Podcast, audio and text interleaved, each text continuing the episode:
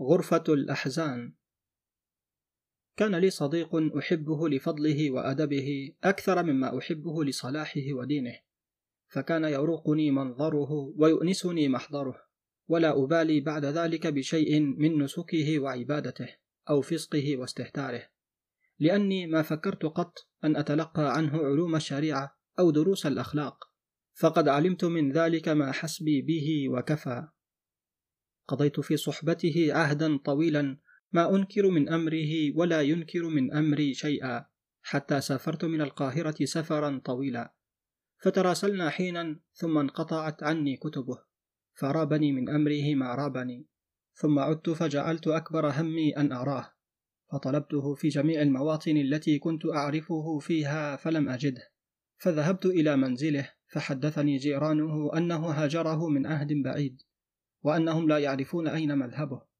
فوقفت بين اليأس والرجاء برهة من الزمان ثم شعرت كأن أولهما يغالب ثانيهما حتى غلبه.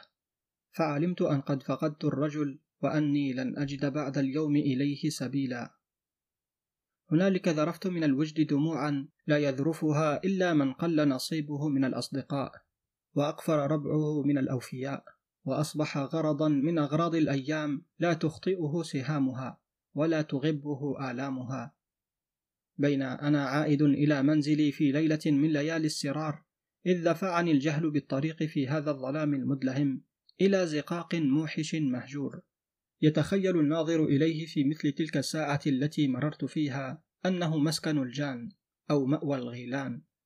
فشعرت كأن بحرا أسود يتدفق بين جبلين شامخين وكأن أمواجه تقبل بي وتدبر وتقوم وتقعد. فما توسطت لجته حتى سمعت في منزل من تلك المنازل المهجورة أنة تتردد في جوف الليل فأصغيت إليها فتلتها أختها ثم أخواتها فأثر في نفسي مسمعها تأثيرا شديدا. وقلت يا للعجب كم يكتم هذا الليل في صدره من أسرار البائسين وخفايا المحزونين؟ وكنت قد عاهدت الله قبل اليوم ألا أرى محزونا حتى أقف أمامه وقفة المساعد إن استطعت أو الباكي إذا عجزت. فتلمست الطريق إلى ذلك المنزل حتى بلغته فطرقت الباب طرقا خفيفا فلم يفتح لي. فطرقته أخرى طرقا شديدا ففتحت لي فتاة صغيرة لم تكد تسلخ العاشرة من عمرها. فتأملتها على ضوء المصباح الضئيل الذي كان في يدها. فإذا هي في ثيابها الممزقة كالبدر وراء الغيوم المتقطعة. وقلت لها هل عندكم مريض؟ فزفرت زفرة كاد ينقطع لها نياط قلبها. وقالت أدرك أبي أيها الرجل فهو يعالج سكرات الموت. ثم مشت أمامي فتبعتها حتى وصلت إلى غرفة ذات باب قصير مسنم فدخلتها. فخيل إلي أني قد انتقلت من عالم الأحياء إلى عالم الأموات وأن الغرفة قبر والمريض ميت فدنوت منه حتى صرت بجانبه فإذا قفص من العظم يتردد فيه النفس تردد الهواء في البرج الخشبي فوضعت يدي على جبينه ففتح عينيه وأطال النظر في وجهي ثم فتح شفتيه قليلا قليلا وقال بصوت خافت أحمد الله تعالى فقد وجدت صديقي. فشعرت كأن قلبي يتمشى في صدري جزعا وقلقا وعلمت أني قد عثرت على ضالتي التي كنت أنشدها وكنت أتمنى ألا أعثر بها وهي في طريق الفناء وعلى باب القضاء وألا يجدد لي مرآها حزنا كان في قلبي كمينا وبين أضالعي دفينا. فسألته ما باله وما هذه الحالة التي صار إليها؟ وكأن أنسه بي أمد مصباح حياته الضئيل بقليل من النور فأشار إلي أنه يحب النهوض فمددت يدي إليه فاعتمد عليها حتى استوى جالسا وأنشأ يقص علي هذه القصة. منذ عشر سنين كنت أسكن أنا ووالدتي بيتا يسكن بجانبه جار لنا من أرباب الثراء والنعمة وكان قصره يضم بين جناحيه فتاة ما ضمت القصور أجنحتها على مثلها حسنا وبهاء ورونقا وجمالا فألم بنفسي من الوجد بها ما لم أستطع معه صبرا. فما زلت بها أعالجها فتتمنع وأستنزلها فتتعذر وأتأتى إلى قلبها بكل الوسائل فلا أصل إليه. حتى عثرت بمنفذ الوعد بالزواج فانحدرت منه إليها فسكن جماحها وأسلس قيادها فسلبتها قلبها وشرفها في يوم واحد. وما هي إلا أيام قلائل. حتى عرفت أن جنينا يضطرب في أحشائها فأسقط في يدي. وطفقت أرتئي بين أن أفي لها بوعدها أو أقطع حبل ودها. فآثرت أخراهما على أولاهما. وهجرت ذلك المنزل إلى المنزل الذي كنت تزورني فيه أيها الصديق. ولم أعد أعلم بعد ذلك من أمرها شيئا. مرت على تلك الحادثة أعوام طوال وفي ذات يوم جاءني منها مع البريد هذا الكتاب ومد يده تحت وسادته وأخرج كتابا باليا مصفرا فقرأت فيه ما يأتي.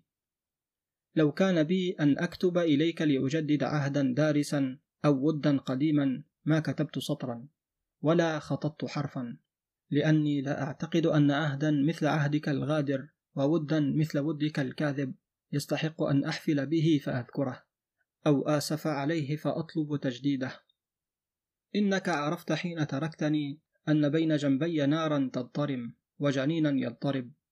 تلك للأسف على الماضي وذاك للخوف من المستقبل. فلم تبل بذلك وفررت مني حتى لا تحمل نفسك مؤونة النظر إلى شقاء أنت صاحبه. ولا تكلف يدك مسح دموع أنت مرسلها. فهل أستطيع بعد ذلك أن أتصور أنك رجل شريف؟ لا. بل لا أستطيع أن أتصور أنك إنسان لأنك ما تركت خلة من الخلال المتفرقة في نفوس العجماوات والوحوش الضارية إلا جمعتها في نفسك وظهرت بها جميعا في مظهر واحد. كذبت علي في دعواك أنك تحبني وما كنت تحب إلا نفسك. وكل ما في الأمر أنك رأيتني السبيل إلى إرضاء نفسك فمررت بي في طريقك إليها. ولولا ذلك ما طرقت لي بابا ولا رأيت لي وجها. خنتني إذ عاهدتني على الزواج فأخلفت وعدك ذهابا بنفسك أن تتزوج امرأة مجرمة ساقطة. وما هذه الجريمة ولا تلك السقطة إلا صورة نفسك وصنعة يدك. ولولاك ما كنت مجرمة ولا ساقطة. فقد دفعتك جهدي حتى أعيت بأمرك. فسقطت بين يديك سقوط الطفل الصغير بين يدي الجبار الكبير. سرقت عفتي فأصبحت ذليلة النفس حزينة القلب. أستثقل الحياة وأستبطئ الأجل. وأي لذة في العيش لامرأة لا تستطيع أن تكون زوجة لرجل ولا أما لولد. بل لا تستطيع أن تعيش في مجتمع من هذه المجتمعات البشرية. إلا وهي خافضة رأسها مسبلة جفنها واضعة خدها على كفها ترتعد أوصالها وتذوب أحشاؤها خوفا من عبث العابثين وتهكم المتهكمين. سلبتني راحتي لأني أصبحت مضطرة بعد تلك الحادثة إلى الفرار من ذلك القصر الذي كنت متمتعة فيه بعشرة أبي وأمي تاركة ورائي تلك النعمة الواسعة. وذلك العيش الرغيد. إلى منزل حقير في حي مهجور لا يعرفه أحد ولا يطرق بابه طارق. لأقضي فيه الصبابة الباقية من أيام حياتي. قتلت أمي وأبي. فقد علمت أنهما ماتا وما أحسب موتهما إلا حزنا لفقدي ويأسا من لقائي.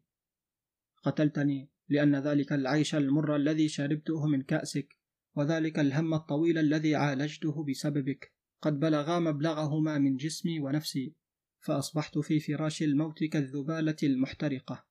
وأحسب أن الله قد أجاب دعائي وأراد أن ينقلني من دار الموت والشقاء إلى دار الحياة والهناء. فأنت كاذب خادع ولص قاتل. ولا أحسب أن الله تاركك بدون أن يأخذ لي بحقي منك. ما كتبت إليك هذا الكتاب لأجدد بك عهدا أو لأخطب إليك ودا. فقد عرفت مكانك من نفسي على أنني أصبحت على باب القبر وفي موقف وداع هذه الحياة خيرها وشرها سعادتها وشقائها. وإنما كتبت إليك لأن لك عندي وديعة وهي فتاتك. فإن كان الذي ذهب بالرحمة من قلبك أبقى لك منها رحمة الأبوة فأقبل إليها وخذها إليك حتى لا يدركها من الشقاء ما أدرك أمها من قبلها. فما أتممت قراءة الكتاب حتى نظرت إليه فرأيت مدامعه تنحدر من مقلتيه فسألته ماذا تم بعد ذلك؟ قال إني ما قرأت هذا الكتاب حتى أحسست برعدة تتمشى في أضالعي وخيل لي أن صدري يحاول أن ينشق عن قلبي حزنا وجزعا فأسرعت إلى منزلها وهو هذا المنزل الذي تراني فيه الآن فرأيتها في هذه الغرفة على هذا السرير جثة هامدة لا حراك بها. ورأيت فتاتها إلى جانبها تبكي بكاء مرا فصعقت لهول ما رأيت وتمثلت لي جرائمي في غشيتي كأنما هي وحوش ضارية وأساود ملتفة. هذا ينشب أظافره وذاك يحدد أنيابه. فما أفقت حتى عاهدت الله ألا أبرح هذه الغرفة التي سميتها غرفة الأحزان. حتى أعيش فيها عيشها ثم أموت موتها. وها أنا ذا أموت اليوم راضيا مسرورا. فقد حدثني قلبي أن الله قد غفر لي سيئاتي بما قاسيت من العناء وكابدت من الشقاء. وما وصل من حديثه إلى هذا الحد حتى انعقد لسانه واصفر وجهه وسقط على فراشه. فأسلم الروح وهو يقول ابنتي يا صديقي فلبثت بجانبه ساعة قضيت فيها ما يجب على الصديق لصديقه ثم كتبت إلى أصدقائه ومعارفه فحضروا تشييع جنازته وما رؤي مثل اليوم أكثر باكية وباكيا ولما حثونا الترب فوق ضريحه جزعنا ولكن أي ساعة مجزعي. ويعلم الله أني لأكتب قصته ولا أملك نفسي من البكاء والنشيج. ولا أنسى ما حييت نداءه لي وهو يودع نسمات الحياة وقوله ابنتي يا صديقي فيا أقوياء القلوب من الرجال رفقا بضعفاء النفوس من النساء. إنكم لا تعلمون حين تخدعونهن عن شرفيهن وعفتهن أي قلب تفجعون وأي دم تسفكون. من كتاب النظرات لمصطفى لطفي المنفلوطي. قرأه عليكم عبد الباري الطشاني. شاهد أيضا أحد هذه الفيديوهات الظاهرة أمامك على الشاشة.